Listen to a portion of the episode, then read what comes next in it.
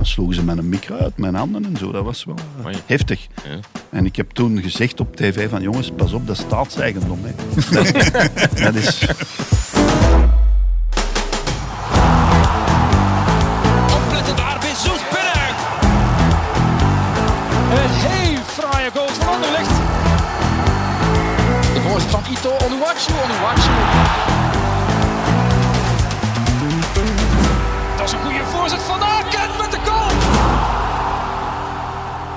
Meer dan 40 jaar ervaring, meer dan 15 grote toernooien, duizenden voetbalwedstrijden, een handvol boeken en meer dan 400 keer extra time.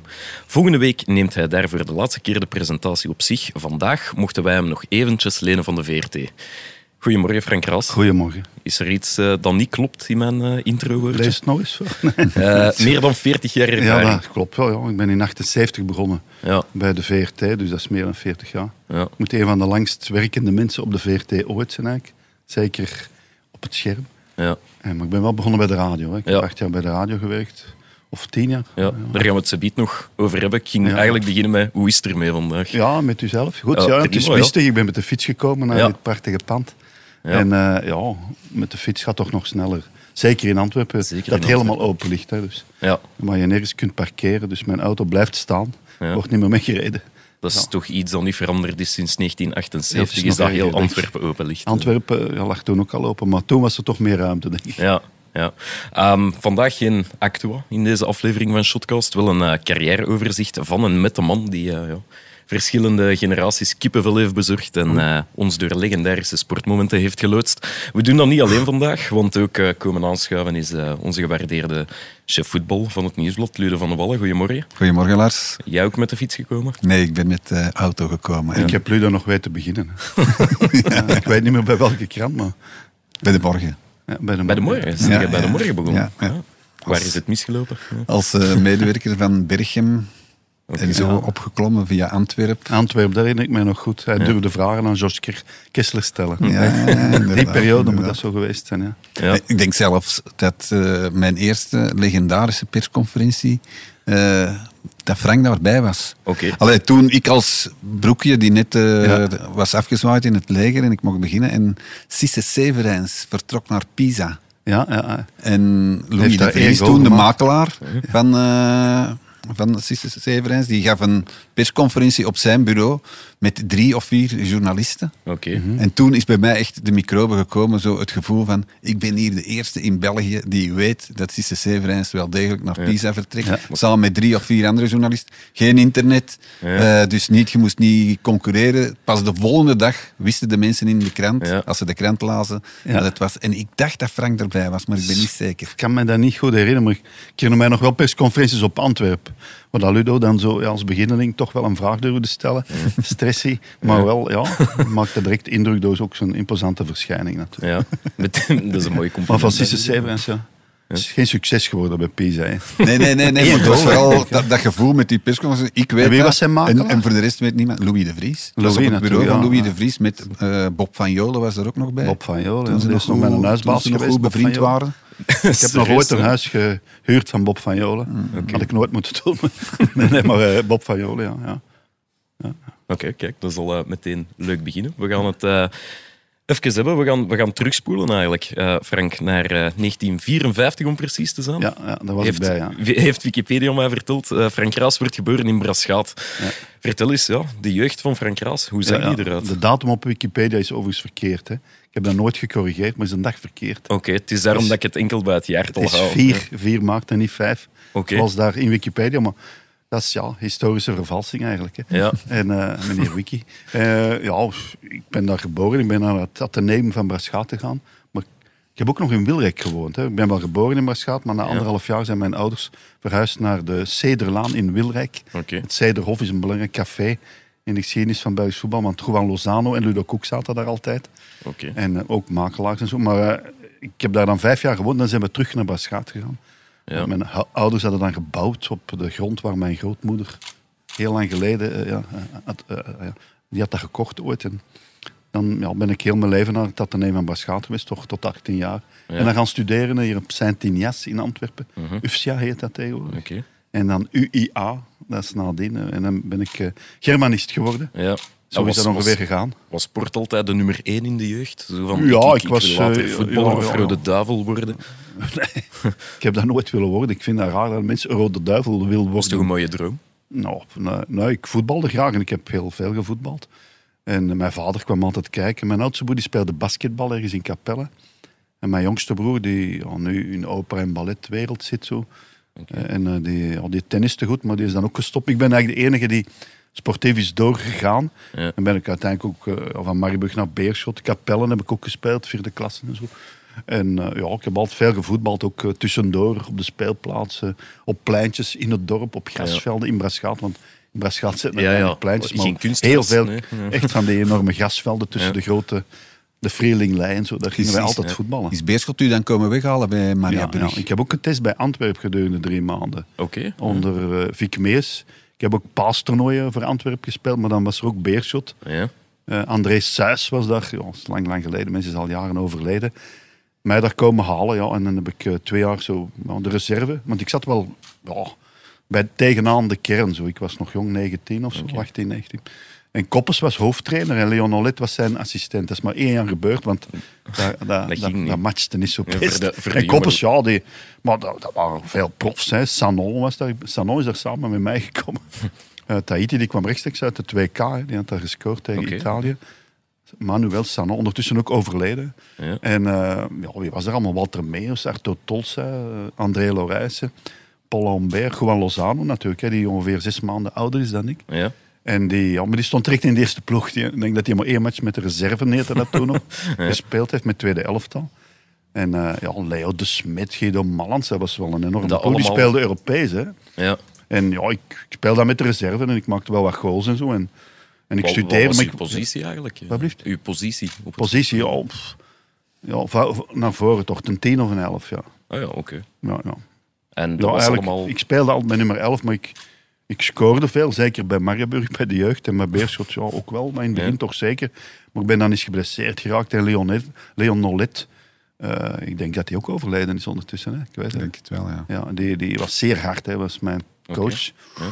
En ik weet nog goed op training, als je dan je goesting niet deed. Dat zou in deze tijden niet meer kunnen, wat hij allemaal riep, moet ik zeggen. Ja, heel, heel veel scheldwoorden. Oh. En, eh, Alleen dat Peter Maas was een klein kind tegen. Dus, ja, ja, ja. dus Leon Olet was, ik weet nog goed, als je een bal niet afgeeft, dan klop ik hem met je kop tegen de balustraat.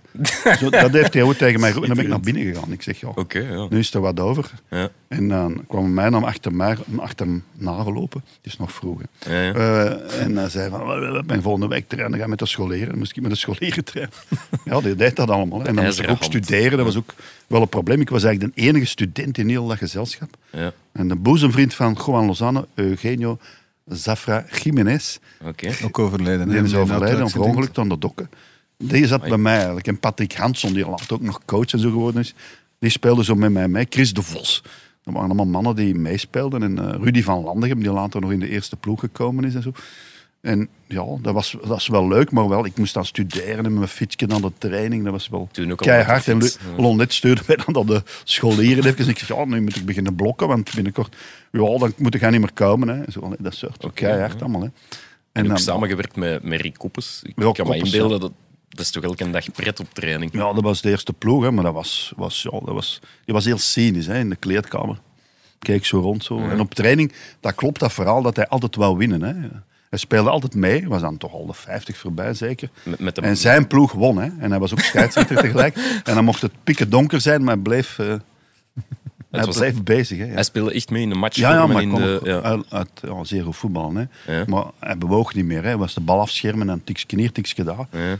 En hij was, was zeer goed en hij kon niet tegen ze verliezen. En dan was er wel Adi van Staaien, dat was ook een speler. Die was politieagent in het normale leven. en die is... die hikte dus ook tegen de eerste ploeg wat aan, maar die was keihard en die tackelde iedereen en heeft koppes. Is onderuit getrapt op training. Dat was op het hoofdveld. Die lag ergens op de piste. Maar die heeft niet veel meer meegedaan. Van Staaien. Maar echt Maar die kreeg dan ook wel een reputatie als politieagent. Ja. Dat hij heel veel boetes uitschreef. Dat die hij van dat keihard was. eh, Dat van Staaien was een, dat was een begrip in Antwerpen. Maar die zegt, ja, Rick Koppers kan me niet bommen onderuit. Hè. Ja. Maar die- ja, daar kon Rick toch niet echt mee lachen. Was eigenlijk een goede coach, want het is, het is Nou, natuurlijk een Rick figuur, was niet maar als geboren, coach...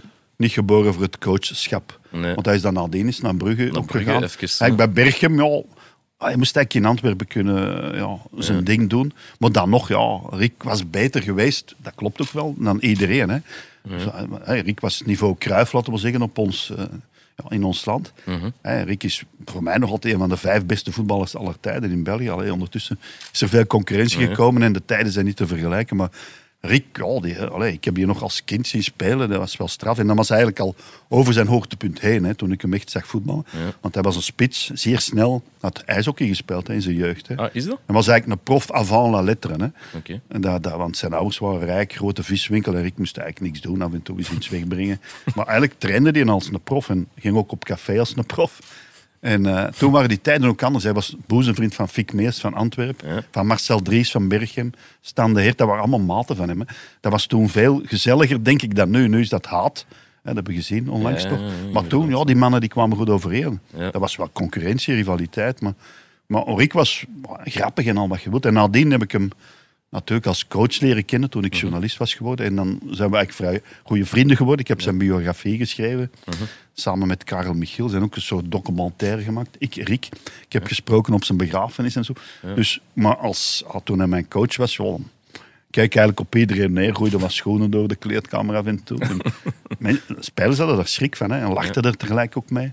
Want Walter Mees was er ook bij, maar dat was zo oh, eh, het uh, iets meer intellectuele voetballerstype. Ja. Die kon wel tegen koppels op. Maar alleen zeggen, hij is veel te goed met de voeten, zei het dan tegen Walter Mees, want ga, je kunt niet shotten. Allee, zo. Riek was Riek, hè. dat is fenomenaal, maar om nu een, een grote coach, dat weet hij zelf ook wel, maar zo zijn er nog. Hè. Ik bedoel, Keulemans, ja, noem ze maar op. Ja, absoluut. De grote spelers die grote coaches zijn geweest, buiten Cruijff, ze lopen niet zo dik. Hè. Nee, nee, nee. Ik bedoel, je hebt nog Frans. Beckenbauer, heeft wel resultaten gehad, maar of dat dan nu een goede of grote coach was, dat denk ik ook niet. Zet er gewoon zeven man van achter. En dat was het ongeveer. Hè. Dat was de meest defensieve coach ooit. Hè. Die speelde met zes of zeven verdedigers. Ze speelden met zes verdedigers. Dat is waar, hè. Twee WK. Zo zijn ze wereldkampioen WK geworden in 1990, hè, 1990. die, ja. Iedereen stond van achter. En dan wonnen ze, ja, want ja, natuurlijk goede spelers, hè, maar die liet je maar doen. Hè. Maar Cruijff, ja, dat is een vernieuwer geweest en die dacht na over het spel. En er zijn er nog, hè. Maar de meeste, ja, noemt ze maar op, Klop. Guardiola was ook een goeie, maar Ja, maar niet de niet, ster. niet, niet Xavi of Iniesta, ja, was wel een ja. hele goeie, pas op. En zo zijn er nog veel voorbeelden. Hè. Raymond Groetal, Schiet Thijs, allee, op ons niveau dan. eh, Roberto Martinez zelfs. Ja, ook niet, niet Ja, of dat bepaald, dan nu een eh, grote coach is, dat is Nee, wat anders. nee. Maar eh, zeker geen grote speler. Maar eh, ja, ze kunnen doorgaan. Hè. Ja. En vroeger dan vaak naar Beerschot ging kijken, eh, Ja, gaan kijken. ja. Mijn vader in, in is in de gezien. Beerschotstraat geboren. Ja. Ja, het is uw vader. Ik dacht dat jij in de Beerschotstraat Nee, nee, mijn had, vader. eh, ik ben geboren in gewoond. En mijn moeder was van Braschaat, daarom zijn die in Braschaat gaan wonen later. Maar mijn vader is, ja, en Hubert Lampeau, schrijver, die woonde onder of boven hem of zoiets. Dat is ook een verhaal. Maar In de Beerschotstraat. In de Beerschotstraat. Ja, dat is achter mij ook, want ik woon in de Bosgaardstraat, Ja, eh, ja. op 300 meter van de Beerschotstraat, denk ik. Voilà, en daar is mijn, vader. mijn vader is ook naar school geweest en zat op dezelfde school als Rick Koppes. Maar die zat een jaar eh, lager, denk ik. En ik heb dat ooit tegen Rick gezegd van, ik ben nooit naar school geweest, zei hij dan. En, ja, dat- Rick wilde dat gewoon niet weten. En, maar mijn vader, die praat dan al van zeer jongs af aan over Beerschot en Rick Koppes vooral. Want Koppes, dat, dat kunnen wij ons niet goed voorstellen, die was wereldberoemd in België of in Vlaanderen of in België. Dat, dat, was, dat was fenomenaal. Mensen kwamen van heinde en ver naar Koppes kijken. Hè. Klopt, klopt het vooral dat hij ooit eens na een blessure moest warm draaien met de reserve? Nee, hij speelde dan een match met de reserve de dag Ja. voordien. En dat was dan 9000 man en meer dan voor de eerste ploeg. Ja, Rick dat was, was lang oud geweest. Hij was in 6 of 57, heeft een zware blessure gehad. En hij is dan nooit meer zo goed geworden als voordien. Want jaren voordien was hij fenomenaal op, op 2K in, eh, in Zwitserland. Hij heeft tegen Engeland gescoord en zo. Eh, ja, dat was... Ja, alle, alle 70-plussers in Antwerpen, die, eh, over voetballiefhebbers, die praten over die ja. alsof dat, dat Cruyff, Zidane en, Dat is dat ook, en Messi tezamen was. hè. En Rick kon naar buiten, maar dat gebeurde toen allemaal. Die mocht ook niet weg van Beerschot. Hij is dan uiteindelijk later naar Olympique Charleroi gegaan. En Crossing Schaarbeek. En is dan nog bij Berchem. Tubantia Borgerhout was zijn laatste ploeg, denk ik.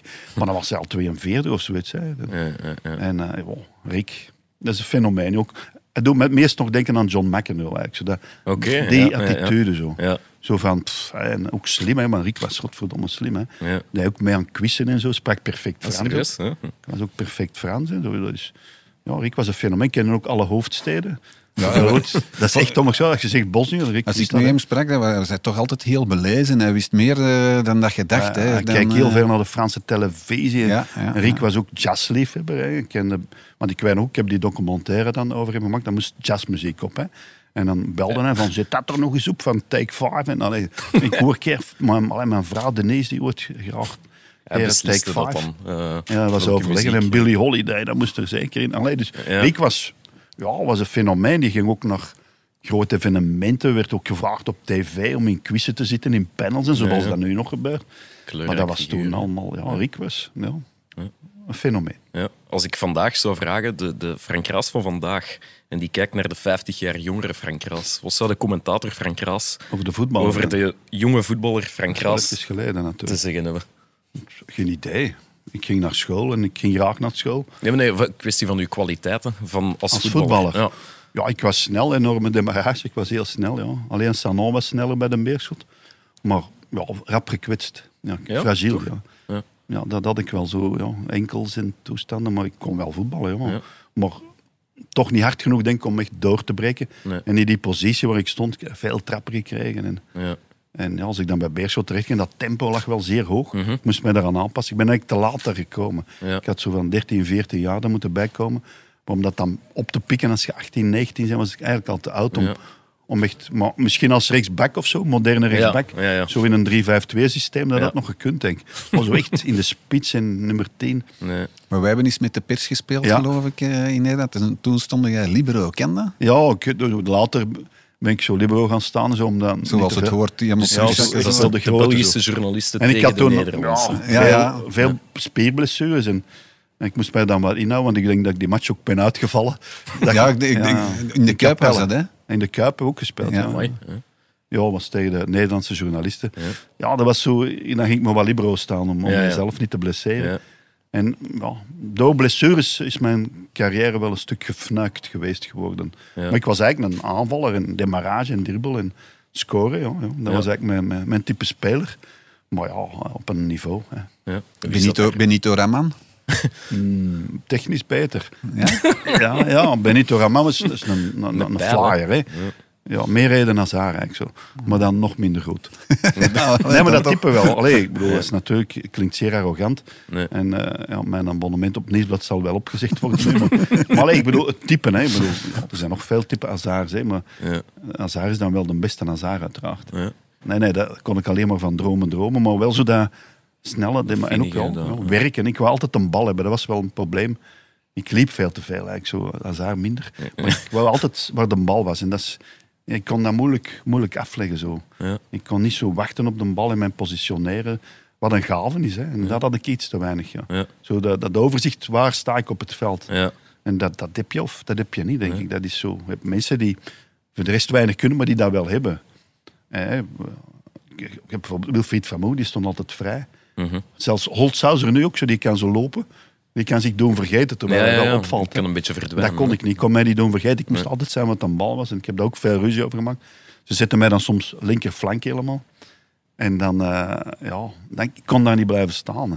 dan zeg ik, blijf nu staan. En dan, nee, dan moest ik op. Ik ging naar de bal. Dat was- tactisch niet zo was een klein kind gedisciplineerd eigenlijk. eigenlijk. Geliefd? Tactisch niet zo gedisciplineerd. Nee, ik, kon, ik moest een bal hebben. Ja, en dan ja. voel ik mij goed hè, als ik veel de bal had. Ja. En dan maar libero bij de Rode Duivelsploeg van de pers. Wie, wie, wie, wie stond daar nog in eigenlijk? Ja, dat was eigenlijk wel een indrukwekkende ploeg. Ik heb overlast nog eens die foto gezien. Wouter van den Houten deed mee.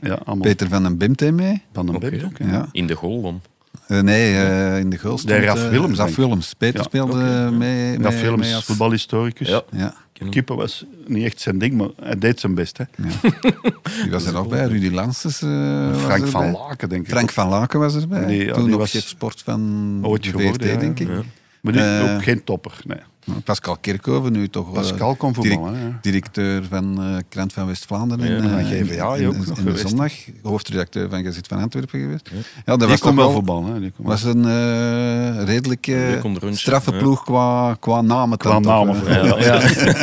Ja, ja, Frank, en we hebben die wedstrijd gewonnen. Hè. Ik weet niet of dat je dat nog weet. Met Jan 1-2. Houspie was er ook bij. Houspie was er ook bij, inderdaad. Ja, die kon ook En wel ge- voetballen. gewonnen, Die- gewonnen in het hol van de leeuw. Het met hol 1-2. gewonnen in het hol van de ja. Wie, maakt, de goals? Eh, ja, Die heb ik alle twee gemaakt. eh.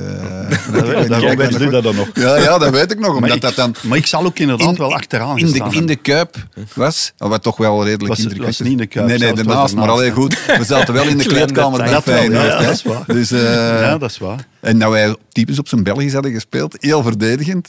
En ik denk dat we twee keer over de middenlijn zijn geweest en Ja, twee dat keer was binnen. kunnen, ja. Maar dat, ook, eh, dat was in het kader van de Beneliga, weet ik nog. Ja, en het Toen al, boek. Ja, en het, toen, oh, dat, bestaat al 100 jaar. Oh ja, ik weet Die niet, plannen, ja. ook Michel nog geen Verschuren. 100 En jaar, maar- Dat was eigenlijk in kader, een persconferentie. En nadien was er een voetbalwedstrijd. Oké. maar dat was ook het boek van eh, François Collin, eh, De Gouden Voetbalgids. Dat zou kunnen, hij ja. samen met een Nederlandse journalist Lex had Muller, geschreven. ja, Ja, ja. met Lex Muller had Ja, geschreven. Lex Muller, ja. Die nadien ontslagen ooit is bij het Algemeen Dagblad. Zei. Ja, dat is de man die het, eh, ja, die bom. hè. die het eh, vliegtuig aan de grond heeft gehouden in 1994 in Dallas.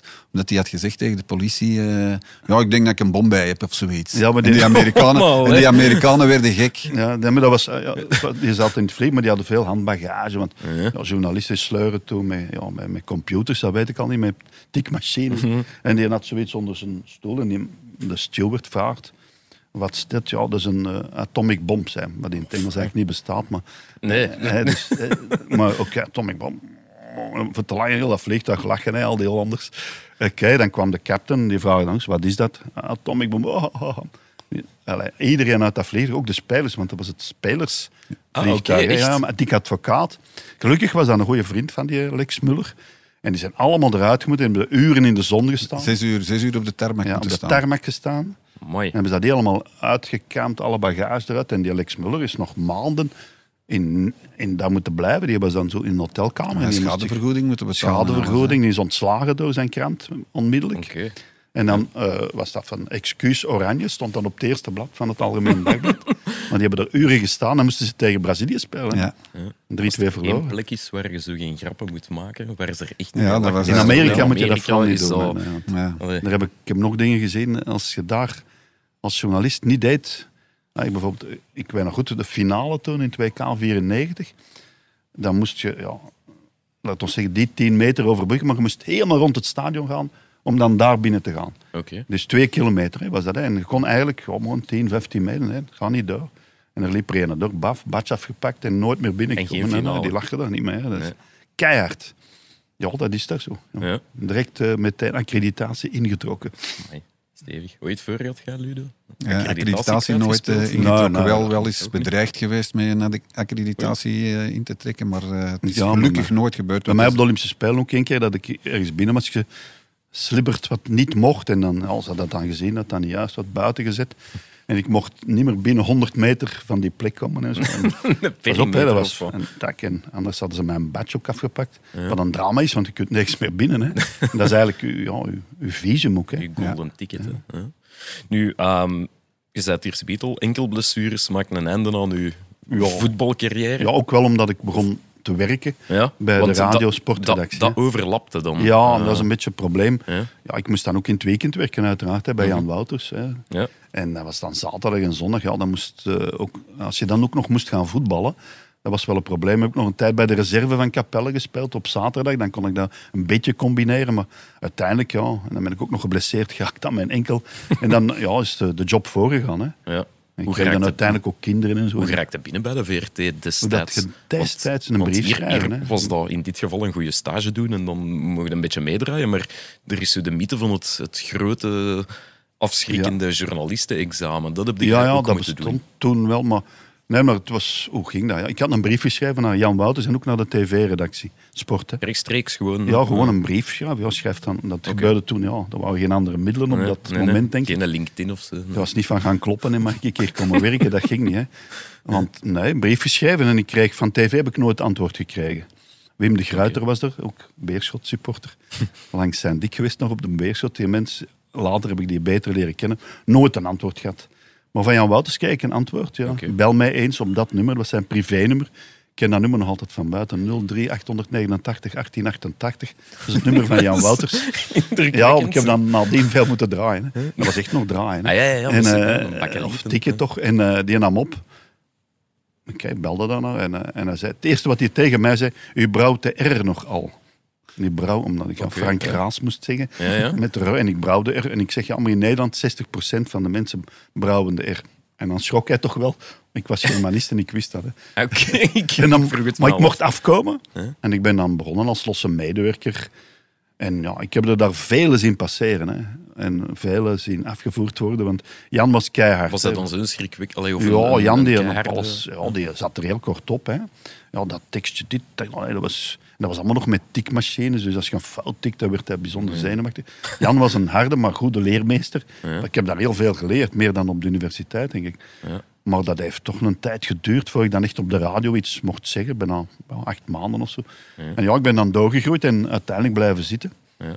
Want ja, ik kende wel wat van voetbal en zo. Mhm. Ik was dan ook wel... eh, ik, was, ik had Nederlands gestudeerd, dat hielp ook wel.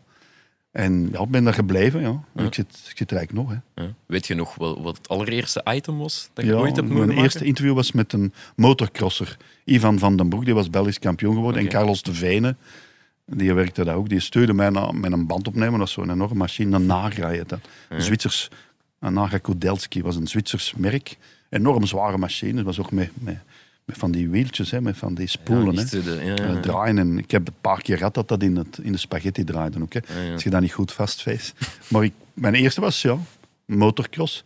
En dan weet ik nog goed, ik was met de auto en dan er naartoe en dan naar de redactie. Onderweg toch eens luisteren of er wel op stond, want ja, Ja, ja, je moest dat goed bedienen. En, eh, maar ik heb ooit geweten bij Guy Thijs, België-Hongarije, weet je die match nog? Jan Keulemans, Met de inspanning van het jaar. de inspanning van het Ja, jaar, ja, die. ja, ja. Ik was daar toen voor de radio en ik interviewde Guy Thijs en mijn draaide in het ja. 100, ja. Dus stond Ah, oei. niks op, dat was allemaal spaghetti zo. Oké, ik probeer, en ik zeg, rustig jongen, zei die. Die, die kalmeerde mij, hè. Die hadden zich toen net geplaatst voor de tweede ronde. En Guy Thijs, rustig jongen. En doe dat nog eens, nog eens in de spect. Ik heb dat drie keer moeten doen. Drie keer? En Guy Thijs is rustig blijven staan. Daar ben ik hem nog altijd dankbaar voor. Die, ja, die had iets kalms over zich, hè. zelfs in die omstandigheden. Want het was een hectische match met blessuren ook van Erik Gerrits. En ja, die kwalificatie die toch aan de zijde draadje ging op een bepaald moment. Na, eh, eh, eerst ze hadden 6 op 6, maar allee, dus, dat is toch eh, vreemd geweest. Ja, was WK 82 uw eerste grote ja, ja, toernooi. ja, ja, ja. En dan mocht je Ja. mee met Jan Wouters. Ja, Jan Wouters deed commentaar, maar dat was toen allemaal veel bescheidener dan nu. Je moest niet alle matches zien en zo. Allee, voor tv is dat ook anders. Mhm. En ik met Jan Wouters naar Ginderen, naar eh, Elche. En daar zaten de Rode Duivels in de Huerta del Curo. En daar is Jean-Marie Pfaff bijna verdronken. Dat is ook, een- ja, dat is ook zo'n historisch moment. Ik heb dat gezien live. Hè. En was dat nu echt zo erg? Want ondertussen eh, was, er- was hem al verdronken geweest Nee, en nee, nee. eh, hebben ze moeten reanimeren nee, en zo. Jean-Marie Faf kan niet zwemmen dan? Of, of nee, die kon is- niet zwemmen. Ja, dat gebeurde. dat- dat is effectief ja, dat klopt. Ah, wel, ja. Maar wij zaten in een hotel een dorp verder, Santa Pola heette dat dorp. Maar wij konden bij die Rode Duivels binnen wanneer dat wij wilden. Hè. Dus dat was gewoon even bellen. Ik heb hier daar op de kamer van Jan Keulemans, Walter Meers gezeten tijdens de WK. Hè. En ja, journalisten sprongen daar ook mee in het zwembad, zijn de Jan Wouters. En eh, ook Jean-Marie Pfaff, die stond daar zo in het ondiepe zo. Maar Jan was nu niet direct een speelvogel, maar toch in het zwembad kwam er iets Kwam er kinderlijks in hem los. ja. En die duwde of zoiets tegen Jean-Marie. Jean-Marie onder water en Munaron heeft hij er dan uitgehaald. En Jean-Marie, dat doen of hij ging sterven. En zo. En dan mochten wij niet meer binnen in het hotel een dag nadien, dat weet ik Ah, wel. echt? Ja, ja, dat is een heel spel geweest. Maar ja, ook, gelijk jij zegt, Ludo, misschien ook een beetje Maar het is wel op echt gebeurd, hè. Ja, maar, Maar- nu niet Ja, om te doen dat hij, dat hij tussen een beetje een dood en leven heeft. eh, En eh, ja, die, die sliep ook alleen daar. Hè. Dat was, eh, was, iedereen zat dubbel op kamer. Dat was Ja. zo twee spelers per kamer. Maar Jean-Marie sliep alleen omdat toch de mensen liever niet bij Jean-Marie op de kamer wilden slapen. Ah, dat was niet omdat hij zelf alleen wilde liggen, dat was gewoon omdat er niemand bij hem wilde liggen. Ja, dat was te druk zeker. Ja. Ah ja, oké. Maar Jean-Marie was een sympathieke, vlotte, vriendelijke, aimabele mens. Maar in de groep ja, was een goede keeper. hè, Want dat is ook wel Ja. iets dat men Ja. onderschat. Jean-Marie was absoluut een topkeeper. Hè. Ja. En niet vergeten, hè. absoluut. Zes, zes jaar Bayern München. Altijd ja, sterk op de grote momenten ook. Hè. Dat, dat was vooral zijn ding. Hè. Als het moest, dan stond hij er wel. Ja, Ja. absoluut. Ja, Ah, was, was absoluut een topkeeper. Ook Ja. Allee, wat je bijvoorbeeld eh, vandaag niet meer ziet, die pakte de ballen vast. Hè. Ja. Tegenwoordig slagen ze allemaal weg, maar Jean-Marie Ja. pakte de ballen vast. Hè. Ja, die kwam ze vaak ver halen. Ja, ja, ik, heb, ja, ik heb ja, die samenvattingen van 2K Ja, 86 eens gezien, die kwam echt ver hoor. Ja, natuurlijk. Want ik weet, Jean-Nicolai, zo, eh, ook grote keeper geweest, ook gouden schoen, denk ik zelfs, in 60 of zoiets. Die heeft allebei getraind, Predom en Pfaff. Hè? Hè, allebei. En was toch een man van standaard, hè, Jean-Marie, eh, wat zei ik, eh, Jean-Nicolai. Nicolai. ja. Maar eh, als hij moest kiezen, was het Pfaff. Weet ik nog goed dat hij mij dat zei. Van, wie is de, ja, Pfaff is de beste. Ja. Ja, imposanter en ook minder stress. Hè. Predom was ook nog de was een vulkaan. Maar die had toch meer stress. Ja, 2K90 was... eh, Ja, die, die daverde bijna van de Ja. die koorts van de stress. Maar ah, ja, natuurlijk ook topkeeper, enorm goede voeten, ook beter dan Pfaff. Maar Jean-Marie Ronde was de man of the moment, hè, van de grote momenten. Ja. Ja. In 86 tegen Rusland. In de extra tijd. Ik Ja. denk dat daar... eh, Ja, dat had hij wel. als Hè, dat moest. Ja, En tegen Schotland ook penalty stoppen ooit eens voor een kwalificatie, herinner ik mij. Ja, als het moest, dan... De openingswedstrijd op het 2K 82 Ja. heeft hij ook een groot aandeel in die zege tegen Argentinië. ja, ja. Ja, ja. ja, een paar cijfers. Niet veel, hè, want er waren weinig kansen, maar uiteindelijk dan wel. Hè. Ja. Waren er daarbij in die openingswedstrijd in Nou? In het stadion? Ja. Die heb ik in het stadion gezien. Dat is een van, ja, van de hoogtepunten, zeker in mijn jonge carrière. Ja, Ja, ja, dat heb ik gezien. Ja, het straffen is... ik ben daar in de kleedkamer van de Belgen geraakt. Ik was dat gewoon van in België toen. Mochten journalisten na de match meteen bij die blote mannen in de kleedkamer. Hè. Dat is nou, nu ondenkbaar. En de eerste die dat heeft afgeschaft was René van der Rijken bij Gent. Vond dat toch maar onnozel. En in het buitenland bestond dat ook niet. Hè. Dat was alleen in België. Maar daar ben ik in de kleedkamer voor- voorbij de Guardia Civil. Dat ook nu... En daar, daar ging dat dan wel zonder probleem. Want de Guardia Civil... Zonder problemen, weet ik niet. pussies, hè? Maar ik had het enige interview met Erwin van den Berg die gescoord had. Oké. Ja. ja, daar ben ik me altijd fier op. Ja. Ik heb er ook nog wel een, een klein verhaal over. Een paar jaar geleden was ik in Camp Nou, in het, in het museum. Ja. En daar hangt een grote foto met de openingswedstrijd van het WK 1982. Is hier gespeeld. En Argentinië versloeg België met 1-0. Fout. Ah, ja? Dat hangt daar fout in. Ja. Allee. Ja, je hebt ik- dan niet gezegd dat dat verkeerd is. mijn, mijn Catalaans is niet zo goed. Ik, heb, ja, ik, ik vond dat heel opvallend. Dat je, Maar eh, ja, dat is straf. ja. Ja, dat is wel straf. Maar dat, toen kon ook veel meer. Ik weet nog goed dat ik dan naar beneden ben gegaan en zo in, in een tunnel waar die, ja, die spelers klaar stonden. Ik stond ik daar naast Frans Beckenbauer. Allee, die stond er in de buurt er is.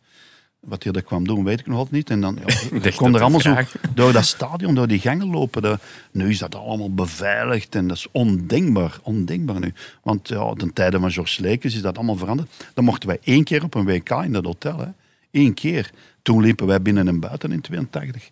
En, ja, Dat is niet de man die zo echt de persconferenties heeft is beginnen vastleggen. Ja, 98, en, en ja. zo'n een, een gendarme Ja, gehuurd. nee, de- of, of, Nee, de commissaris van Brugge geweest. Ah, de de ja. Roger de Bree. Die floot dan. Hè. Dat was, na een half uur floot hij dat af en dan moest je stoppen met interviewen. Echt? Dat is Flatten ze? Ja, Luda was erbij. Na een half uur, eerst was het een half uur schrijven en pers en dan moesten ze naar tv en radio en zo. Maar die floot dat af. Dat is echt. Allemaal En moesten stoppen, hè. ja. Allemaal onder het mom van professionalisme. Ja, dat was toen. En als je dan professionalisme, weet hoe dat er dan achter de schermen aan toe ging, dat was dan alles behalve professioneel. dus dat was wel frustrerend Hoe voor, eh, bedoelde? Of voor de journalisten. op dat WK. Op dat WK, zo, zeker ja. in 98. Ah, ja. eh, wat daar eh, dan allemaal is gebeurd. Maar ik heb dat al eens gezegd, Lars, in de podcast, dat we het daar eens met Frankie van der Elst moeten over hebben. Ah ja, ja, ja absoluut. 98, ja. maar- 98, ja. Dan lagen ze in Lyon, lagen ze ergens in een hotel. zo. Lagen ze in Lyon, inderdaad. Ja, dat was niet echt professioneel. Nee. Maar dat was zo het begin van... Ja, het mag niet meer, want op 2K 94, Frank, ik weet, of dat, je- weet niet of dat je dat nog weet, zaten wij ook mee aan het zwembad. Hè. Tuurlijk, Twee ja. persconferenties per dag, omdat met Ja, het tijdsverschil dan... Ja, een persconferentie voor de, voor de audiovisuele Ja, pers, omdat die, dat die dat dan direct op de radio en op televisie Ja, konden tuurlijk. brengen. En dan met de... Met de Toen werd er nog pers. rekening gehouden met de pers. Dat is altijd maar verminderd. Hè. Ik bedoel, wij moeten nu volgen. Hè. Wij, als we iets krijgen Mhm. via sociale media of via oh, de, de- het clubkanaal, zal ik maar zeggen. Eh, ja, company die beslist zelf wanneer hij communiceert. Hè. Nu, dat is niet van bellen, nee, bel is Vincent, het, ja, hoe ja, zit ja. het? En, nou, nou, dat is allemaal voorbij. Ja, hij geeft nu wel wekelijks een persconferentie. Tuurlijk, ja. Maar Omdat daar hij- moet alleen omdat hij de benaderbaarheid was toen veel groter. Ja. En in 98 is dat beginnen kantelen, ja. En in 2002 is er zelfs een, een boycott geweest. Ja, Van ja, de pers of van wat zij... allee, Van ja. de pers ten opzichte van, De- ja. van wat zij ze, zei ik al omgekeerd. Nee, omgekeerd. Hè. Dat was nadat eh, de wedstrijd tegen Tunesië. Ja. En eh, was er in het nieuwsblad een artikel verschenen, het, het stinkt bij de Belgen. Is dat Ja, niet van Dat- Colin? Van François Collin. Ja. Colin was, ja, ja. En dan, eh, op dat moment, is er dan gereageerd vanuit uh, van Wassage uit, eh, dat er een persboycott kwam. En dat heeft waarschijnlijk, denk Ja, ik, stuurde achteraf dan zijn bekeken... assistent, hè, Briganti. Ja, Ja, ja. De, de Rode Duivels geholpen om, eh, om dan toch nog die laatste wedstrijd tegen Rusland te winnen. Hè? Want dan Ja. krijg je zo'n gemeenschappelijke vijand.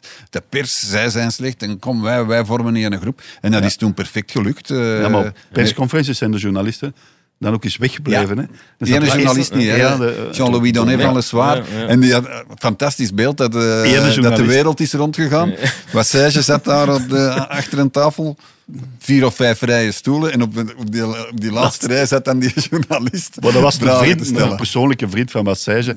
En die zei, ik ga, Jean-Louis Donnet. Ja. Ja, ja, dat was Wordt hij dan niet allee, ja, Ja, door, door Allee, mensen van zijn eigen krant. Hè. Ik weet Heel nog een, eh, is dat een flinke, toch flinke discussie tussen Frederik Larsimon, dat nu zo de, zijn positie heeft op, op Le Soir, en, eh, en Jean-Louis Donnet. dat, eh, omdat hij dan helemaal niet solidair was, maar het is zoals dat Frank zegt, dat waren heel goede vrienden. Ja. En eh, ja, die heeft Die daar- ging.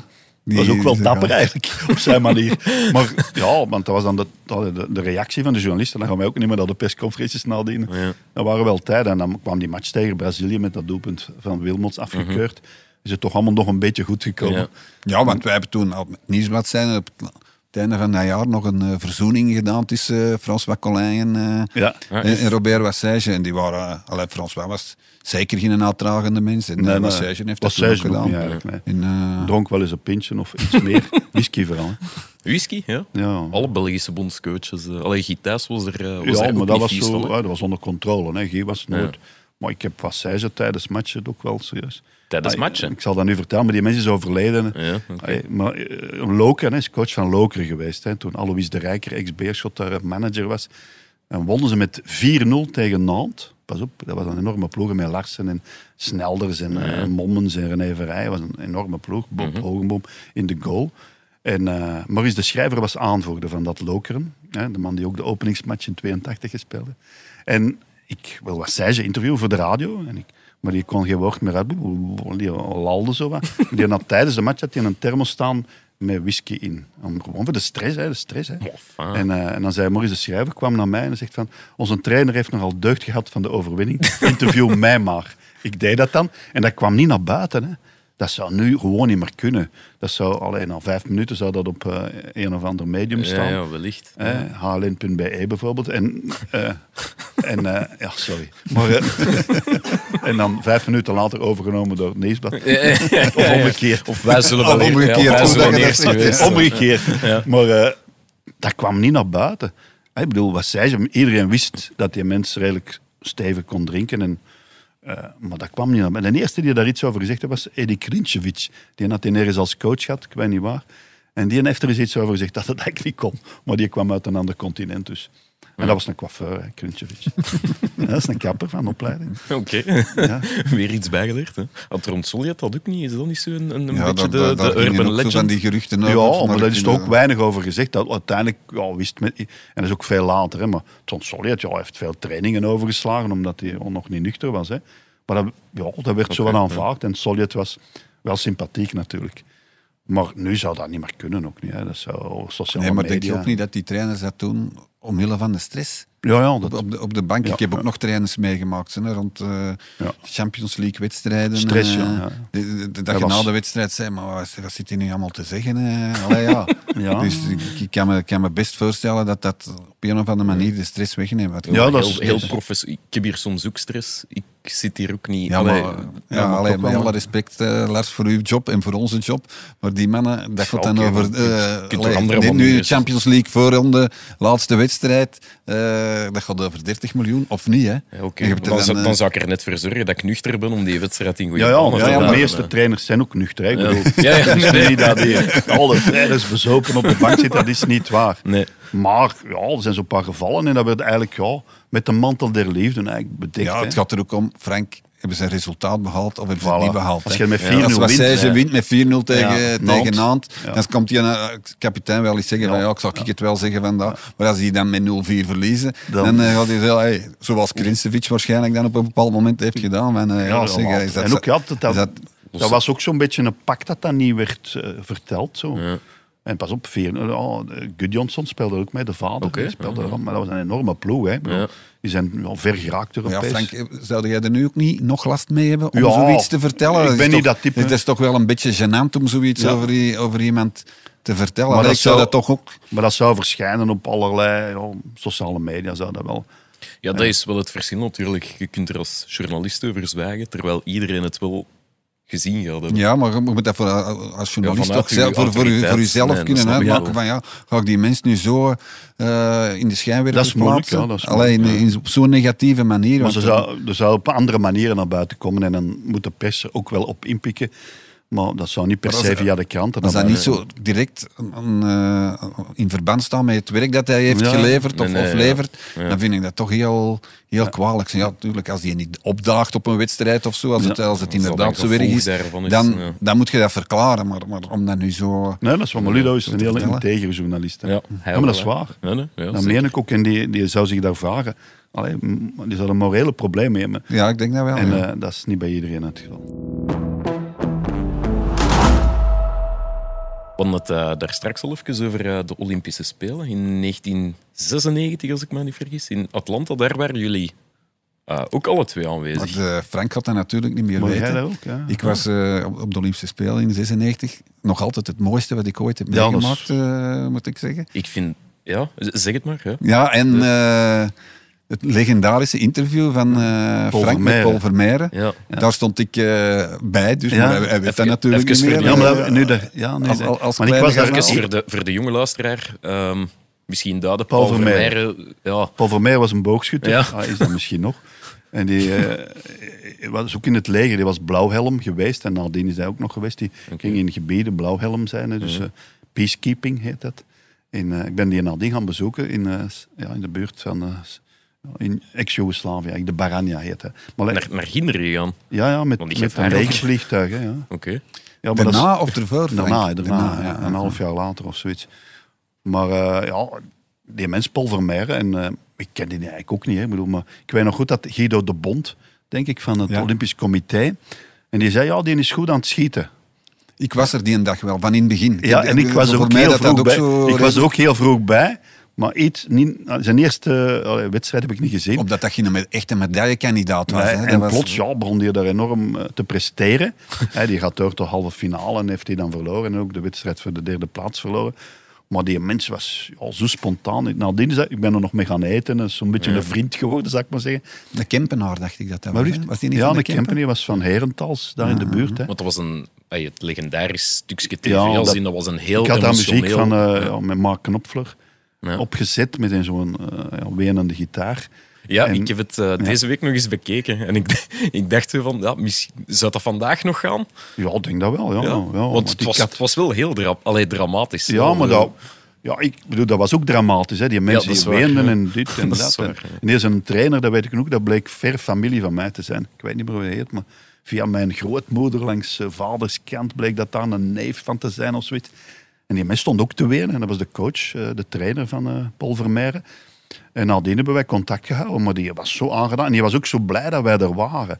Die mens, ja, die heeft nooit aandacht gekregen voordien. En dan stonden wij daar met cameraploegen en Jacques Rogge was afgekomen. Iedereen was plots afgekomen naar het einde van de dag, want Paul ging voor de, ja, ging voor de finale gaan. Ja.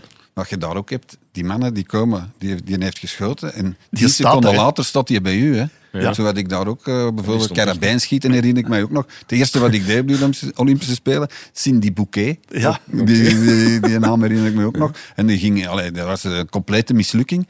En die had haar laatste kogel geschoten, laten we zeggen. En die kwam naast ons zitten. En die begon daar te wenen en dingen. Ja. Zo, dat was iets wat je toen, zelfs in het voetbal, alhoewel dat we toen ook nog altijd de kleedkamers binnen mochten, denk ik, wat je, wat je in het voetbal nooit meemaakte. Hè. Die, die, die, die verbondenheid. En ja, dan wordt het natuurlijk moeilijk om dan de volgende dag, in mijn geval dan in de krant eh, te zetten, ja, in de bouquet, wat een afgang of zoiets. Dat gaat dan niet, hè, want, dat meisje dat- heeft de meest mensen- ongelukkige dag van haar leven eh, beleefd. Eh, Paul Vermeijren ook, maar dat, dat was... Ja, en dan ben ik nadien die gaan bezoeken met- zo'n legervliegtuig. Meegaan, wij mochten geen eigen cameraploeg meenemen, want dat is, ja, dat is een soort half oorlogsgebied. Ja.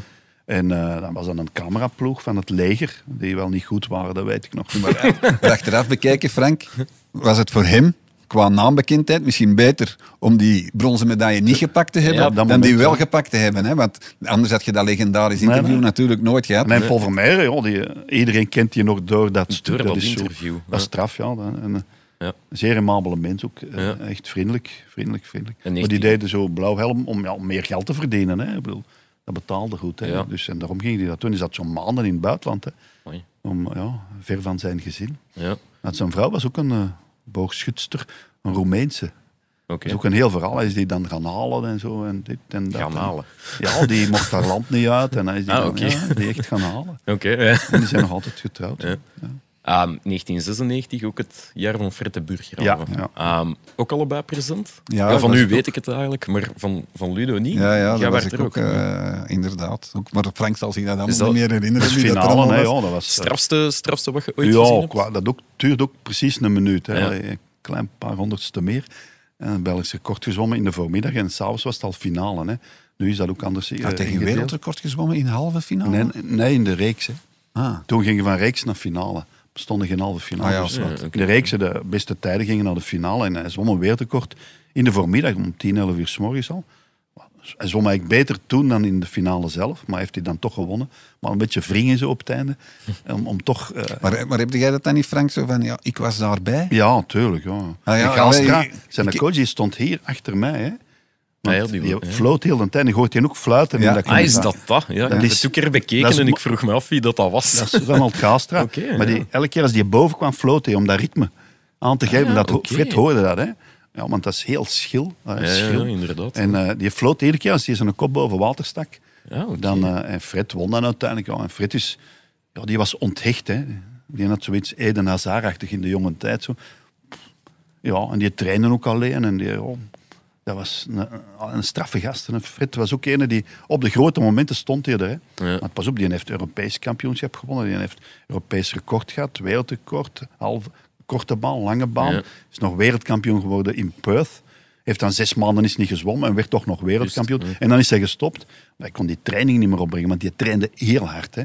Dat is eigenlijk weinig geweten, maar die trainde alleen in, in bad in Roeselare met zijn vader, Freddy. De Bruggraven heet hij trouwens. Freddy en Fred. En die, ja, dat is weet echt- het niet. En die zat er dan bij. Ja, en die, ja, die timede dan en zo. Maar dat was in een vrij koud bad zo. Dat is zo, hè. alleen om zeven uur s morgens. Hè. Dat Ja, was heel straf. Fred was enorm trainingsbeest en was enorm stressbestendig. ja, In tegenstelling tot ja, veel andere atleten. Hè. ja. Ik heb eh, op het internet gelezen dat je meer dan 2500 tv-interviews eh, gedaan zou hebben. Ehm, naast Paul Vermeijren, wat is zo hetgeen waarvan jij denkt, oh, hier ben ik trots op, of hier is het helemaal mislukt? Rick Koppes heb ik talloze malen geïnterviewd. En, Ja. ja, ik heb natuurlijk veel interviews gedaan. Ja. Ja, en ik denk een beetje... Pele heb ik eens geïnterviewd. Ja. Ah, echt? Omdat hij nu zo profiel heeft van een commentator, maar dat veel mensen zijn vergeten dat hij eigenlijk wel een hele goede interviewer was ook. Ja, ja. Want je hebt zo jarenlang, of, of toch een tijdje, in de zevende dag ook de interviews, Ja, de ja. sportinterviews gedaan. En wij als krantenjournalisten zaten er altijd naar te kijken, want er kwam één. Er kwamen wel mensen, hè, de Woutersen wel. bijvoorbeeld van deze wereld, die nergens eh wilden, Ja, dat is zo, ja. nooit een interview wilden. Die gingen dan wel naar de tv, TV. omdat ze het iets wilden zeggen. Maar dan zaten, zaten ze met Frank toch geconfronteerd met een interviewer die dat toch eh, Ja, kritisch, ja, ja. kritisch aanpakte en goed aanpakte. En naar ons toe, hè, wij die dan toch altijd een beetje op zoek zijn naar, eh, naar nieuws, toch wel interessante quotes kon eh Nou, toen kon werd dat nog echt overgenomen. Nu is die, dat, dat medialandschap helemaal veranderd. Veel meer concurrentie. Maar toen ja, hadden wij die mannen, die kwamen dan op de middag, Ja. op het eind van de zevende dag. En op ieder, ja, iedereen heeft er gezeten. En ja, ik pakte die goeie- stevig aan. interviews, hè, Ja, ik pakte die Frank? stevig aan en dat werd ook geduld. Ja, Eh, Dat is niet van de volgende keer komen wij niet meer, maar die, ja, Nee, dat is dat wel werd geduld. Ja. Ik heb dan Michel Verscheuren eens een paar keer aangepakt. Ah, echt? En eh, ik zeg, ja, ja, drie, vier keer antwoordde die niet. Hè. Die begon altijd maar rond de pot te draaien. Ik zeg, nu ga antwoorden of stoppen ermee. En die antwoordde dan. Het ging over die omkoopzaak mee. Ja. Nottingham Forest en zo. En ja, die, die deed dat dan toch. Ja, En ik werd dan wat ja, zenuwachtig dat die man niet wilde antwoorden. ja. En hij heeft dan toch gedaan. Maar dat, nu zou dat allemaal niet meer nee, kunnen. omdat er ook andere kanalen zijn. Hè. Toen was dat eigenlijk het enige kanaal waar Ja. je naar buiten kon, kon komen. Hè. was televisie, was radio en de krant. Dat was alles. Ja, ja. Sociale media niet, geen eigen clubmedia of weet ik Nee, veel wat. Hè, waar dat ze nu alles gefilterd eh, doorgeven. Ja, maar toen kon, konden nog op een... Nu eh, komen ze misschien als ze vooraf, als ze gewonnen hebben en zo, dan komen ze eventueel. Dan komen komen niet ze, gemakkelijk ja. als ze verliezen. Ja, Ja, nu proberen dan- wij iemand van Club Brugge al lang een extra time te krijgen, maar het is altijd, het is altijd iets. Hè.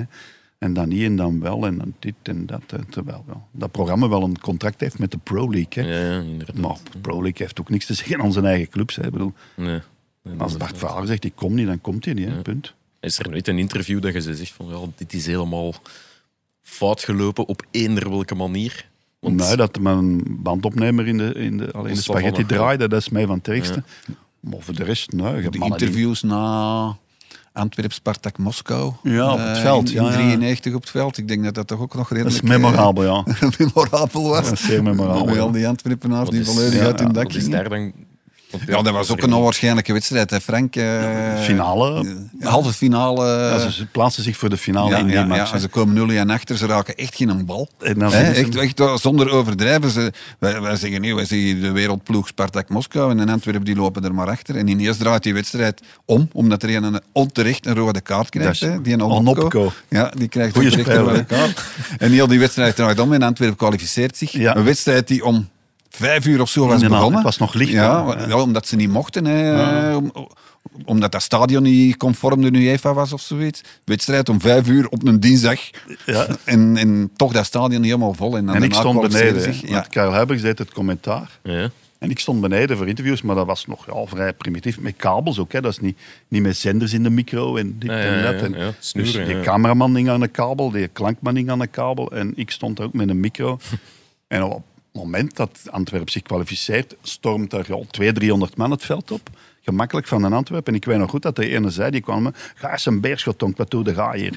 Tegen mij, maar ik, hè, je wist dat dan nog plots. Maar dat was echt een kudde, hè. Die komt er wel met die eerste zenuw, maar die, de rest niet meer. En ik heb dan ja, Nico Broekaart en zo geïnterviewd. En, en, en eh, ja, dan sloegen ze met een micro uit mijn handen en zo. Dat was wel eh, heftig. Ja. En ik heb toen gezegd op tv van jongens, pas op, dat is staatseigendom. Hè. Dat, dat, is, dat is blijkbaar bijgebleven. En ik heb wel, ben blijven interviewen. En ik, ik ben ook zo in, in was zo, naar die kleedkamer, een soort tunnel. En die mannen die stonden op die tunnel te springen. Ik denk, zeg, ze stort dat hierin en zo.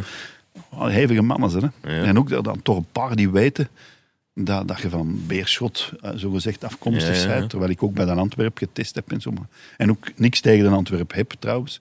En, eh, maar er waren zo'n paar mannen, zo, er waren ook leiders bij die zeggen, nu kalm. Dat is zo binnen die uh, hooligans, zou ik maar zeggen.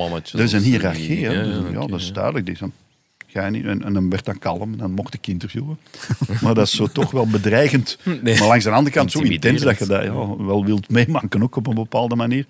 Maar ik herinner me nog die massa die op mij afkwam. En ik stond daar vast met mijn micro. Ik kon niet gaan Ja, je lopen. kunt niet weg. Ja. Ja, ik moest ook interviews doen. en die komen zo af en ah, is een beers getonkt, wat doe de ga hier? ik zeg al, en die liep dan voort, die was dan weg.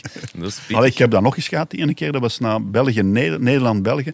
Toen de Belgen zich plaatsen voor het WK in eh, 1986. in, in de Kuip. In de Kuip, In de hè, waar dus eh, Leo Beenhakker door de tunnel gaat. Ik stond ook in die tunnel van achter toen hij er aankwam. En dan ben ik naar buiten gegaan. En ik had ook een zender toen. Echt zo, voor interviews te doen voor de radio. Maar ik een zender op mijn eentje. Dat was eh, in 86 in 85, november. Heel koud. En ik ga er naartoe. En Erik Gerrits kwam op mij af en ik wilde interviewen.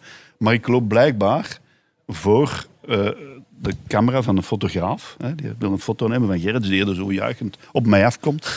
En die, ik loop in de weg en die klopt met een micro uit mijn hand, die fotograaf. Een Nederlandse fotograaf. En paf, die micro op de grond. En Gerrit ziet dat. En die loopt achter die fotograaf aan om die wat motten te geven. Echt waar, die, die kende mij natuurlijk, Erik Gerrits. En die ging achter die fotograaf aan. Die fotograaf gaan lopen. En dan hebben ze, ja, Munaron of zoiets, die zijn er dan gaan aanhangen om Gerrits te kalmen. Dat was Erik Gerrits. Ja, nogal een kort lontje. Ja. Dus dat weet ik ook nog zeer goed. En ik weet nog goed, na de match, ik zeg, Erik, wat was nog... wat?" Nou, dat wist dat niet meer. Eh, Dat wist dat niet meer, nee. wilden er niet meer over praten. nee, en ik heb ook de allerlaatste match ooit van Erik Gerrits voor PSV, afscheidsmatch, was ik als enige Belgische journalist met een cameraploeg. Ook een mooi stuk gemaakt, ook met muziek. Met Ry Cooder op de gitaar. Oké, ja, Ook ja. mooi, moet je eens opzoeken. Dat ik eh, zeker doen. En ja, een mooi stuk. En, ik- en Gerrits vond dat zelf ook goed, dat weet ik. En nadien heb ik hem ook eens gezien. En ik zeg, ja, dat stuk heb je dan nu gezien? Niet gezien. Nee, Nee, die wou dat niet weten. Maar- Die kon, eh, Gerrits moest je treffen, ofwel was hij in een euforische staat, Ja. ofwel was hij gewoon eh, Ja. ja, heel, heel degoutant, hè, soms bijna. Hè, ja, Zo- die negeerde nu. hè, Ja, die kon u de, de ene dag vloog die rond uw Ja, nek van dat oh, is blij dat ik u nog ja. eens zie. En je ziet die dan een dag later en dan ziet hij u gewoon Nee, nee, niet nee, dat heb ik geweten. Dat, we hebben ook nog matchen zo gespeeld met oud-voetballers, Keulemans. Daar mocht ik ook eens meedoen. En met Gerrit, en tof. En, en de volgende dag kwam ik hem tegen op, ja, op Beveren, was dat ergens. En negeerde mij compleet. die kende mij niet. En ik had ermee gevlachen en gezeverd en op nadien in de kantine. Negeerde nu. Maar dat was deze zijn kracht, hè. die was onvoorspelbaar. En die had looten, hè. Ja, maar Ja, allee, zeker, ik moet ook zeggen, Frank, tijdens zijn voetbalcarrière hadden wij nooit gedacht dat hij zo'n trainerscarrière Nee, zou nee, nee, maken. is zo, ja. Want eh, Erik Gerrits, dat leek zo heel rudimentair, terwijl dat Jan Keulemans, dat was Ja, een man die eh, veel of, nadacht eh, en, eh, en heel veld. veel van voetbal kende. Hè, op de manier waarop hij fysiek ja. bewoog op het veld, terwijl Gerrits was hier technisch nogal beperkt. eh, Maar was ja, veel, veel bijgeleerd. Hè. Brute Maar, maar, maar, dan, al- maar dan als Ja. trainer... eh, Marseille, eh, Galatasaray. en zo. ja, hij heeft er toch in vier of vijf landen kampioen gewe- geworden. Ja, dus, eh, Lierse, PSV. toch? toch Lierse Allee, kampioen Lierse gemaakt. kampioen gemaakt. eh. Ja, ja, Ook niet slecht, ja. hè, ja. Maar ik kon natuurlijk ook die ploeg, ja. En tactisch ook wel redelijk slim. ja, ja, ja, maar dat, dat, dat, we niet Dat is de eerste die ik zo weet die zonder spits speelde. Hè? Zo van, Ah, ja. een valse nummer 9. Ja, ja, een valse Gerrits deed dat al. Ah, ja, van plots, ja, en die verdedigingen waren helemaal in de war. Omdat ze geen spits hadden om tegen te verdedigen. Dat, Gerrits deed dat ook al, ja. Ja. Nu, als we het hebben over treinbestormingen en, en ja, toch een beetje in paniek zijn. Je hebt ooit gezegd, ehm, sportjournalisten zijn degenen die het best kunnen improviseren. Ja, Ehm, dat klopt als we het hebben wel. over improviseren, we gaan niet heel het verhaal van die wedstrijd doen, de beruchte match tegen Vitosha, maar Ja. Ludo, jij werd daar ook. Ja. En voor u was het misschien iets gemakkelijker improviseren dan voor deze arme man die een krantenverslag ja, op tijd drama, moest insturen. eh. Ja, hoe is, hoe is dat dat was, gegaan? was zelfs nog mijn eerste eh, kran- krantenverslag voor een wedstrijd die s'avonds werd eh, gespeeld. Het was de eerste ronde van de, van de Europa-beker. En ik was net overgestapt als freelancer naar het Belang van Limburg, herinner ik me nog. En ik maakte dus een verslag van, ja, heel chronologisch. Ja, tuurlijk. Eh, ondertussen weten we dat dat zeker niet meer eh Nee, aan nee, tel is. En dan in de laatste minuten gebeurt dat allemaal. Ik herinner me dat ik in de laatste paragraaf dan nog had gezegd, ja, en dan werd het van 1-3 plots 4-3 dankzij doelpunten van dingen. Dan heb ik de volgende dag wel eh, een telefoon gekregen van Paul Dane toen nog, was chef sport Ah, van, eh, van, van het Belang van Limburg. Ja, dan moet je toch de volgende keer op een andere manier aanpakken. Dus allee, dat is voor mij die wedstrijd. En dan hebben we die natuurlijk nog heel veel op televisie gezien. En vandaar, vandaar dat ik weet dat Frank toen, toen het verslag heeft gedaan met... 1-3, hè. was met. Rafael Caranta, die Ja, zeker laatste het, goal, eh, hè. broer van de scheidsrechter. En eh 1-3 was het in de 86e minuut of Ja. zoiets. Hè. En die mannen hadden heel veel kansen gemist. Hè. Ja, dat dat, enorm, ja. dat 1-6 moeten Maar de, zijn. mensen, zo, waren- de helft van het publiek was al weg, hè? Op de Ah, is Mosel. dat, ja? Ja, dat was, we waren aan het weggaan, ja, 1-3. En Antwerpen ja, kwam er eigenlijk niet echt goed aan te passen. Hè. Wim de Koning stond nog in de goal en zo. 1-3 was gedaan, mensen gingen naar huis. En dan zijn er ook wel een aantal teruggekomen, omdat ja, die Ralf Gardenkirchen en zo, die speelden daarmee. En was fenomenaal. En ik heb ook, eh, ja, het is gebeurd, zeg ik daar ook. Hè. Die, dat is wat, daar heeft Erik van Looy dat overgevangen. Ah, dat is oké, echt waar. Hij ja. heeft dat Ah, ook al- ja? Hij heeft dat ook al, Ah. eh, ja, dat heeft dat Ja. ook al in interviews gezegd. Want ik zeg, het is 1-3, ook wel, het is gebeurd. Het is gebeurd. Het is gebeurd, ja, ze liggen eruit. Hè. En dat is Erik, ja, Erik van Looy heeft dat vandaar. Hè. Als Antwerp supporter. Dat is echt als Antwerps. Dat is ook waar. Moet dat maar maar eens Dagelijks een beetje Frank Raas in de slimste mensen eigenlijk. Ja, ja, af en toe gebeurt dat wel. Het is gebeurd en het was niet gebeurd natuurlijk. Hè. Nee. En eh, het was wel heel straf, ja. ja. Zotste straf. ommekeer ooit? Of Ja, ja, zelfs die wordt ook zelfs in de wereldgeschiedenis van het voetbal wordt die wel eens aangehaald. maar maken Ja. wij die mythischer dan dat dat eigenlijk was? Want uiteindelijk, gelijk dat was gezegd, wel dat straf. was... 86e minuut, 1-3. Ja, ja, dat. Maar ik En ook, wat qua- ook was, dat was een seizoen, dat was eigenlijk het eerste, dat er, de stadionklok mocht niet eh, geactiveerd worden. Al hebben ze dat wel weer opgedoekt. Ik denk dat dat twee seizoenen geweest is. Dus de mensen wisten eigenlijk niet hoe lang die match nog duurde. Alleen Ah, de scheidsrechter. ja. En ja, uiteindelijk, ja, het was zelfs verder dan de 86e. Op tv kun je dat dan wel beter volgen. Ik denk dat zelfs de 89 minuut nog 1-3 was. En ze hebben dan al 97 minuten of zoiets gespeeld. Ja. en ze hebben dat helemaal nog omgedraaid. Hè. Bam, bam, bam, bam, de een na de andere. En eh, Caranta was de man die eh, ja, het eh, winnende doelpunt maakte. Inderdaad. En Nico Klaassen ook twee keer, denk ik. Ja, Nico Klaas en Galinkirchen, denk ik. Keilenkirchen, ja, dat kan. eh. Die heeft ook gescoord, denk ik. Ja, dat, was, ook een goede ploeg, hè. pas op. Dat was Antwerpen als sterke ploeg. Hè. Ah ja, dat- ja, maar dat blijft Maar was, fenomenaal. was Vitosha dan was dat een goede ploeg. Ja, ja, Want dat bedoel ik van, ploeg, ja, iedereen kent dat daarvan. Maar Maar ik denk dat ze daar wel 0-0 zijn gaan 0-0, spelen. in ja, die match heb ik ook gedaan. En Zo. dan 1-3. Niks aan te zien, zo overdag ook om twee uur of zoiets. Ja, ja, En volgens ja. mij zat Michel Leconte van RTBF. En bij de terugmatch ook, ja. ja ik weet nog goed dat hadden ze, ook met die namen was er iets zo. Er stonden drie andere mannen in dan op het blad dat wij gekregen hadden. En Michel Leconte is heel die match, weet ik nog goed, die drie verkeerde namen blijven zeggen. En op een of andere manier had ik dat wel ontdekt of zo. Maar het maakt ook niet uit, het waren Bulgaren, dus niemand weet dat. Maar ik herinner me dat nog. En daar zaten er toen op Antwerpen nog zo, in een soort hok dat aan het dak ging. Dat was heel moeilijk te bereiken via een ladder. En dan moest je Ja. er doorkruipen. Rick de Sader, die kon dat op de deur niet meer, want dat was echt wel ja, moeilijk te bereiken. Maar je zag daar wel fantastisch goed. Je ging echt aan het dak van het stadion. Beetje zoals in Engelse stadions bestaat dat ook. ja. En ja, je hebt eigenlijk de bevoorrechte positie, wat nu niet altijd het geval is Nee. voor eh, de verslaggevers. Maar dat is wel een zeer memorabele match, ja. Ja, absoluut. Ludo, jij nog memorabele matchen in petto? Of... Nee, wat, eh, allee, ik probeer het in eh België, kader Japan, van. Frank, van Frank Raas te, te België, zien. Japan En- natuurlijk, hè, in Ja, Rostov. uiteraard. Dat is ja. ook een legendarische match. Want ja, dat is zeer merkwaardig. Ze komen daar 2-0 achter. Dat doelpunt van Vertongen, de verste kopbalgoal ooit sinds 1966, heb ik gelezen. En zo, Is ja, dat echt? Hè? Ja, dat is van ver. Hè. En dan, ja, onze Ja, ja, dat was van Onze vriend, ja. hè, die we kennen van Leersen en Standaard, die die een bal er dan toch in laat. En dan, ja, het spel was vertrokken. Als dat niet gebeurt, dan Nee, zou, dat ja, misschien wel de goal van het er... Allee, voor ja, de Belgen dan. dan zou eh, Martinez misschien toen ontslagen Ja, inderdaad. inderdaad. Ja, maar dat is wel eens een tweede ronde.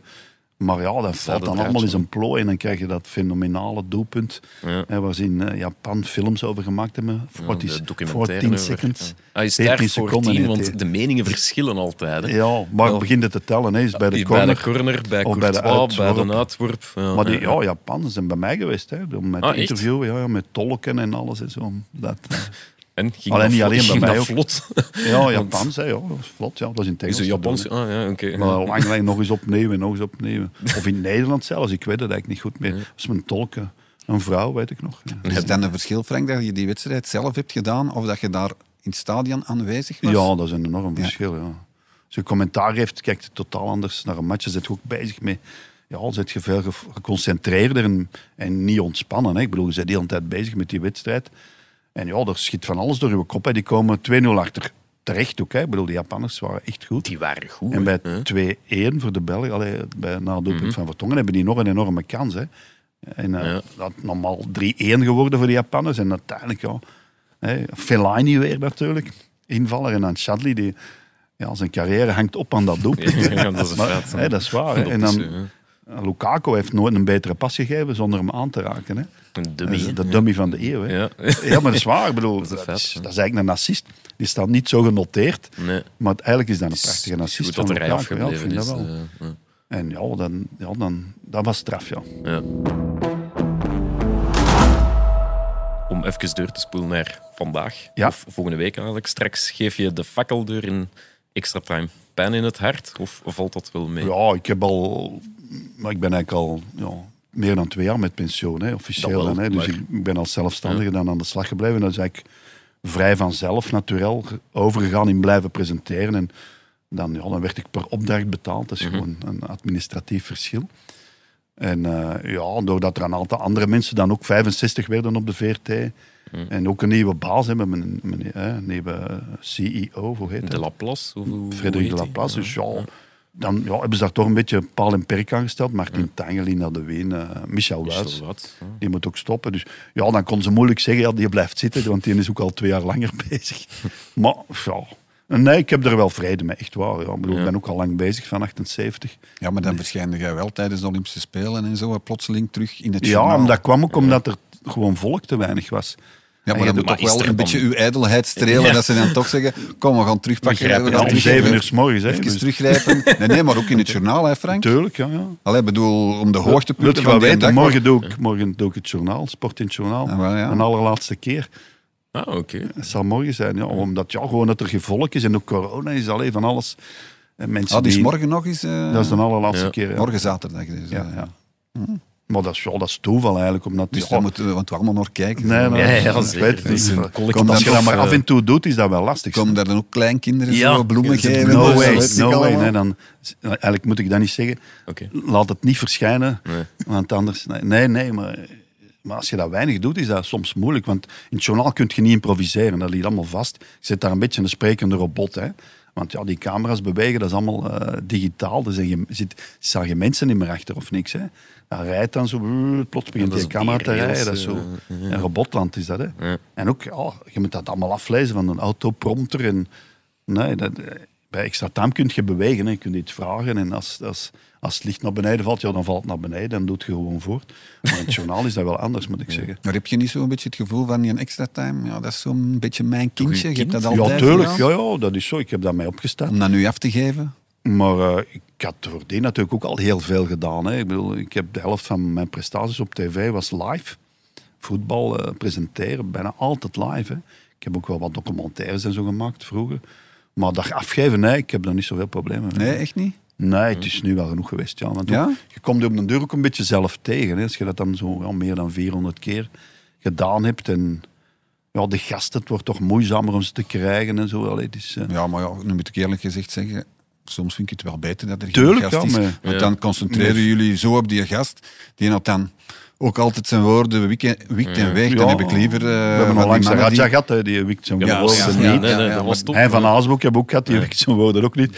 Dat zijn de beste gasten, maar dat wordt vrij moeilijk om Mhm. een gast te hebben die een echt zijn gedacht zegt en zo. Dat is allemaal een beetje verleden tijd. En dan heb je soms inderdaad beter vier analisten die hun mening zeggen. Peter van Bentwees, die Sonk, uh, Arna Vidag, zo noemt ze allemaal maar op. eh. Gert Verrijen, die...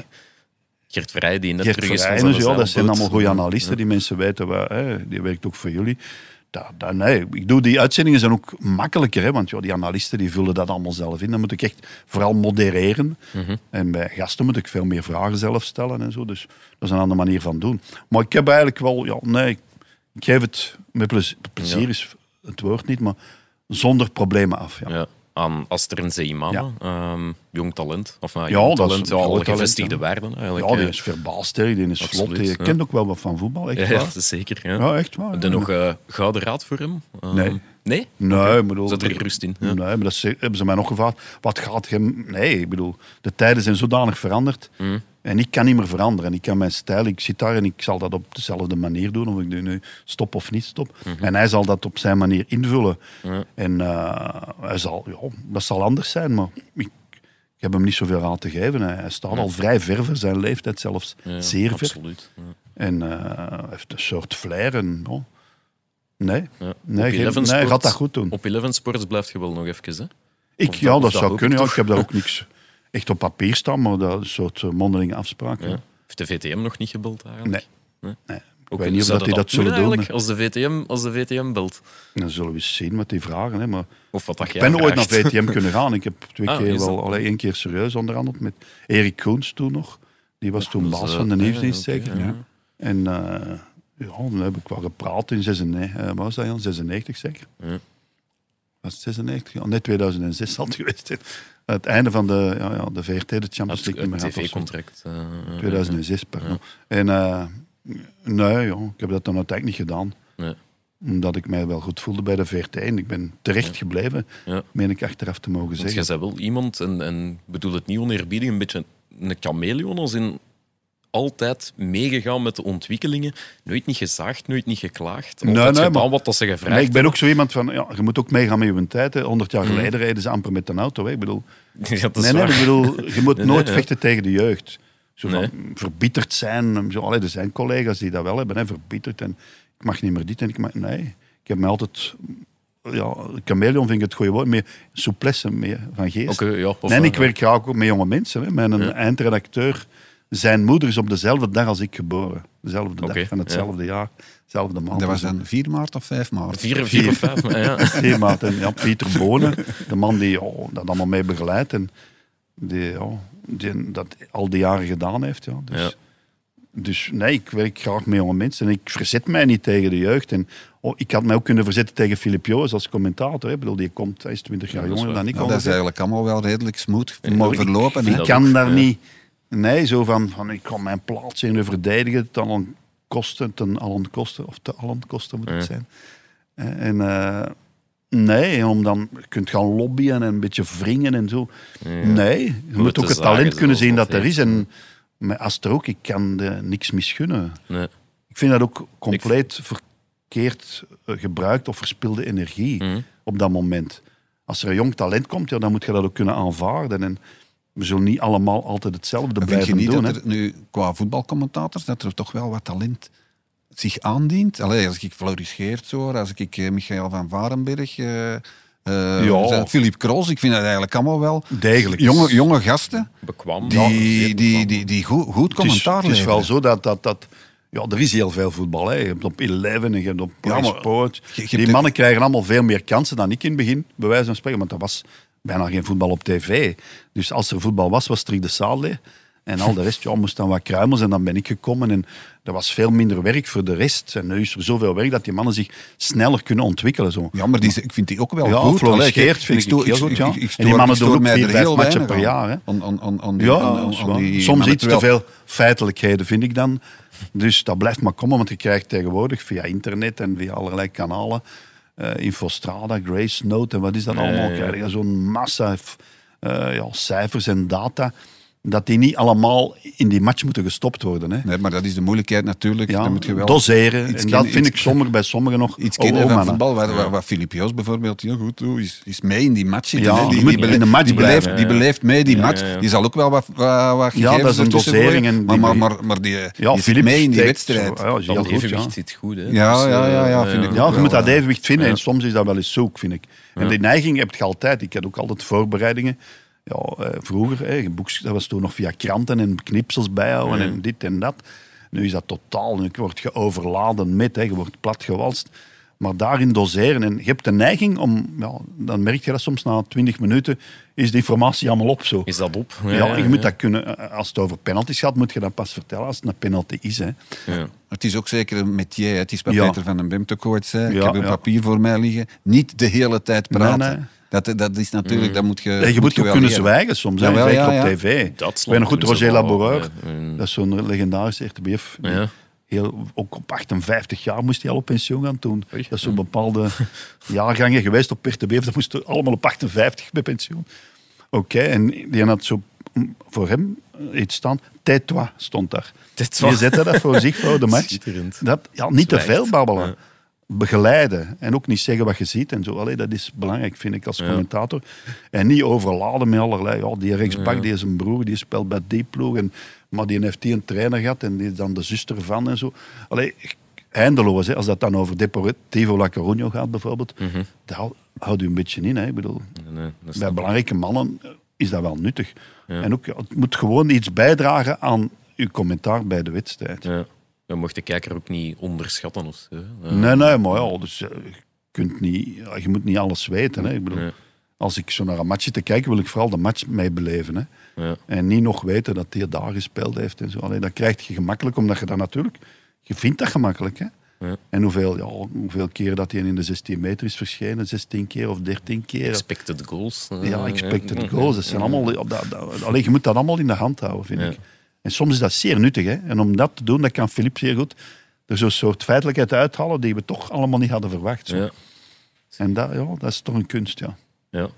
Goed, dan denk ik dat we eigenlijk alles weten wat we moeten weten. Mogen wij u nog heel veel succes wensen bij de, ja, de allerlaatste. Ga je iets speciaal doen? Eh, heb je, heb je al een afscheidswoord in Nee, gedachten? nee, nee, ik Want anders moet je hier... Gewoon In- in première en is- wegwezen. Echt? Ja. Wil niet zeggen van ik heb het graag eh Nee, kunnen nee, doen nee, en, het eh, volk bedanken. Nee. Nee, ik ben maar een passant. Ja, dat is waar. eh, overal. Wel ene die lang is blijven stilstaan Tuurlijk, op ja. de, op de nee, nee, ik vertrek ja. de volgende dag naar Amerika. Naar New York, want mijn, ik heb een, mijn zoon woont daar. Ja. En daar ga ik naartoe voor de eerste keer, want dat is met corona allemaal niet zo simpel. Ik moet mij dan nog laten testen de laatste 24 uur. En, ook, eh, ondanks uh, vaccinatietoestand, alleen in Amerika. Kijken En ze ik hoop dat het nu in, zo blijft. Hè. Kijken ze in New York naar extra time? Ja, de mensen kunnen dat. Hè. Ja, de- we maar krijgen nee, soms uw- wel vanuit uw Australië mensen die dat eh, Uw zoon die kijkt. Of, Dat denk ik wel. hè. Ik zal het hem eens vragen. ja, vraag het hem eens, want... Dat is wel een kritische. Die schrijft trouwens eh, de standaard veel. Ja. Ah ja, oké. Allee, veel, toch geregeld. Ja. Ja. En dan is dan- Raas, maar die wil niet geweten hebben dat hij mijn zoon is. Dat staat er nooit bij. Wil dat niet. Ja, dat zou nu wel een beetje raar zijn om erbij te zitten. Nee, nee, nee, nee, nee. Nee, nee, nee. Maar hij wil dat ook absoluut zelf afhouden. Hè, ja. Nee, nee, hij wil dat niet geweten hebben. Hij wil dat uit zichzelf presteren. Dat is Nee, toch nee, mooi? maar- Ja, Dat is, ja, ik vind dat vind- ook ik dat bewonderenswaardig. Ja, ja, ja. Nee, nee, hij wil dat niet geweten hebben. Nee, vind dat goed. Heel goed zelfs. Ja. oké. Nee, nee. Goed, ik zal later kunnen zeggen, ik ben de vader van. Dat zou iets beter.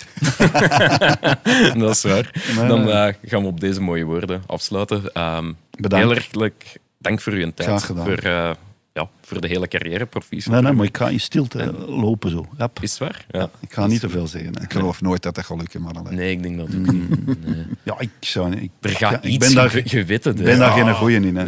Ja, maar dat, dat, ja, dat maakt niet Hoe uit. lang moet jij nog, Ludo? Ja, dat weet ik niet. eh, dat weet ik eigenlijk niet. Maar Ja.